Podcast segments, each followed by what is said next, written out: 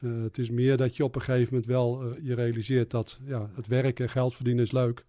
Maar een stukje betekenis geven aan dat wat je doet. Uh, waardering krijgen van je kinderen. dat ze leuker vinden dat je, wat je doet. Ja, dat geeft het wel een extra dimensie. Hi, mijn naam is Veerle Hofkens. En in deze podcast spreek ik met ambitieuze Drentse ondernemers over hun bedrijf, hun passie en ondernemen in Drenthe. Hoe zijn ze begonnen? Tegen welke uitdagingen lopen ze aan? Aan welke innovaties werken ze? En wat willen ze bereiken met hun bedrijf? Drenthe is dé plek voor startende en gevestigde ondernemers om slim, groen en met impact te ondernemen. Het platform Ik ben Drents Ondernemer kan je daarbij ondersteunen. Vandaag duiken we in het thema duurzaamheid. Een bedrijf eh, wat daar heel veel mee bezig is, is VEPA. Naast mij zit Jan-Willem de Kam, directeur van VEPA. Hallo Jan-Willem. Goed dat je er bent. Dankjewel. Jullie maken zoveel mogelijk meubilair op een duurzame en uh, circulaire manier, toch? Ja, dat klopt. We zijn uh, inderdaad een producent van uh, kantoormeubilair in, in Nederland. Wat op zich niet zo'n heel sexy thema is natuurlijk, kantoormeubilair. Het klinkt quite boring, maar als je kijkt naar de manier waarop we dat maken dan uh, worden mensen eigenlijk wel heel enthousiast. En die vinden het eigenlijk wel grappig uh, dat wij van een afval of reststromen gewoon nieuwe producten maken. En uh, dan zie je de meeste mensen, dan gaan de oortjes wel spitsen.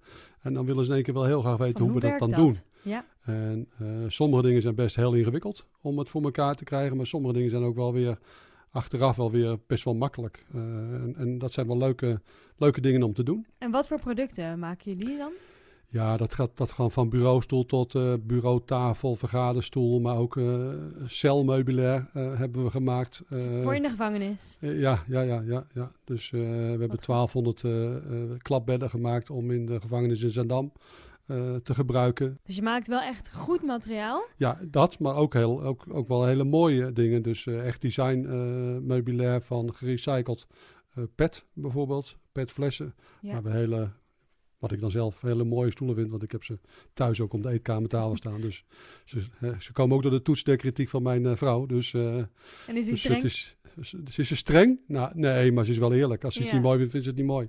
dus dan komt het er niet in. Dus, uh, En hoe dus- maak je dat soort dingen? Kijk, het zijn goede dingen, het zijn mooie dingen. Hoe maak Ja. je dat nou zo duurzaam mogelijk? Ja, dat is eigenlijk een beetje een uitdaging. De, de- de- voor die veldstoel is wel een leuk, eh, leuk verhaal. Want we zijn ooit eens een keer door eh, de firma Cita, heet nu Suez, dat is een afvalverwerker, zijn we eens gevraagd of we hun kantoor, hun hoofdkantoor in Arnhem duurzaam wilden inrichten. En ze wilden daar zo, zo, zo duurzaam mogelijke grondstof in verwerkt eh, hebben. En ze wilden ook nog betalen voor gebruik. Dus ze betaal, wilden ons elke maand een fee betalen om ons meubilair bij hun te gebruiken. Nou, vonden we wel leuke uitdaging. En we zijn met hun eh, gaan kijken naar de meest duurzame grondstoffen. Om die te verwerken als kantoormeubilair. Daar hadden we al wat stappen in gemaakt. Dus het was niet helemaal nieuw. Maar eh, dat betaalmodel was wel nieuw. Maar dat hebben we gewoon ingericht. Ehm, en eh, toen we dat gedaan hadden, zei de directeur Wieger Droog, die zei van, tegen ons: Het zou wel leuk zijn als jullie van het afval wat wij verwerken nieuwe producten maken. Ja, dan denk ik, ja, dat is wel, ja, dat je het zo zegt, wel tof. Dus ja, dat zou wel, als dat, als dat kan. Maar goed, tegelijkertijd realiseerde ik me van als ik dat zeg, dan moet ik, ook, eh, dan moet ik het ook waarmaken.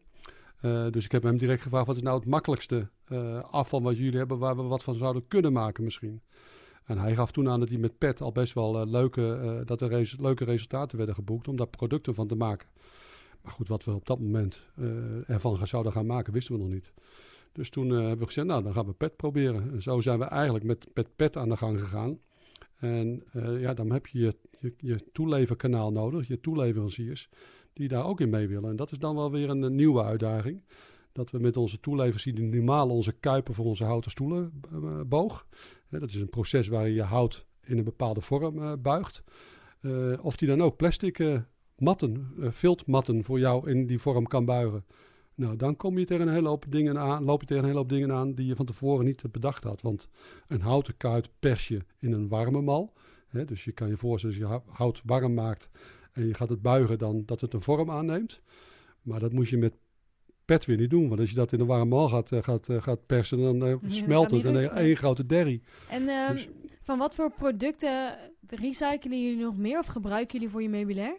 Nou, We proberen eigenlijk zoveel mogelijk producten te vinden in, in de standaard grondstofstroom. Dus in hout, staal en in stof. Dus de stoffen die we kiezen zijn als zoveel mogelijk gerecycled of ze hebben een ecolabel.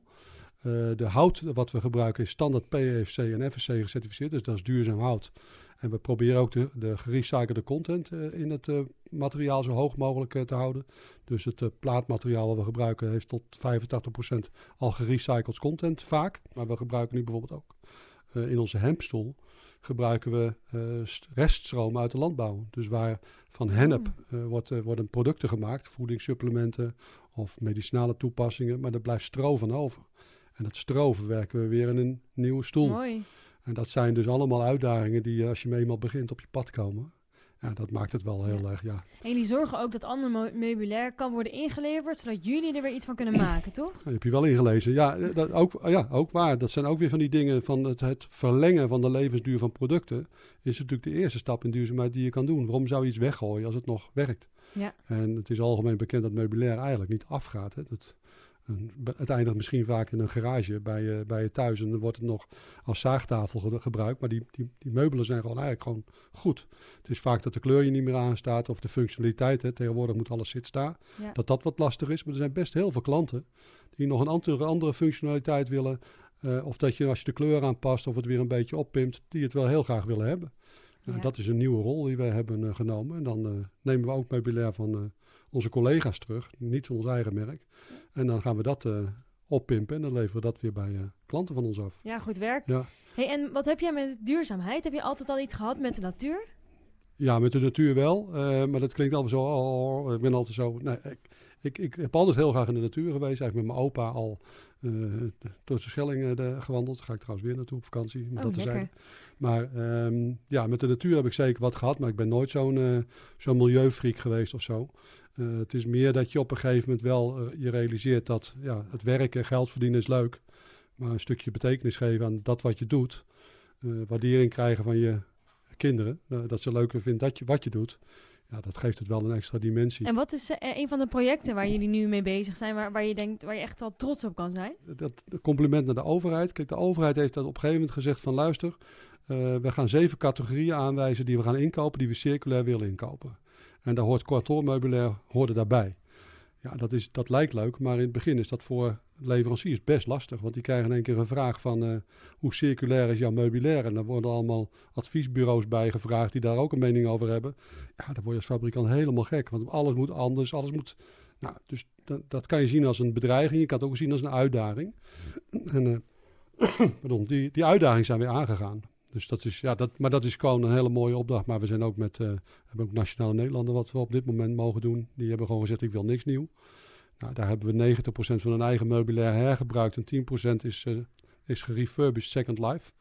Okay. Dat is ook wel, uh, ook wel gaaf. Ja. Dat je zo'n project kan, als fabrikant kan draaien. Want iedereen denkt altijd dat de fabrikant alleen gebaat is bij nieuw. Hè? Die wil altijd nieuw. Maar... En ik kan me wel voorstellen, met zo, zulke grote bedrijven maak je wel echt impact. Je kan het voor particulier doen, maar nu kan je echt wel een verschil maken. Maar het vraagt van die bedrijven ook veel. Hè? Ik bedoel, als de Nationaal Nederland die dat zegt, dan, dan, dan beperk je jezelf ook. Kijk, het is natuurlijk heel makkelijk om even nieuw te bestellen en super gaaf en helemaal precies zoals de architecten bedachten iets te doen.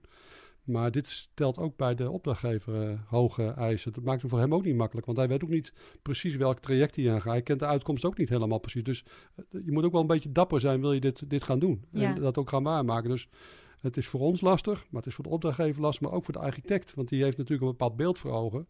En dan moet je dus Ja. met andere producten dat beeld zien te realiseren soms. En dat is wel, eh, dat vraagt van alle partijen heel veel flexibiliteit, maar ook gedurende het project aanpassingsvermogen. En als je elkaar in, daarin blijft vinden, met datzelfde doel voor ogen, Ja.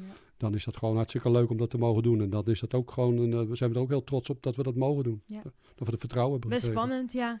Hey, Ja, En jullie zitten dus eh, met een eh, deel van jullie bedrijf, met een fabriek als ik het goed zeg, Ja. in de gemeente Emmen. Ja. Jullie zijn natuurlijk eh, gefocust op duurzaamheid.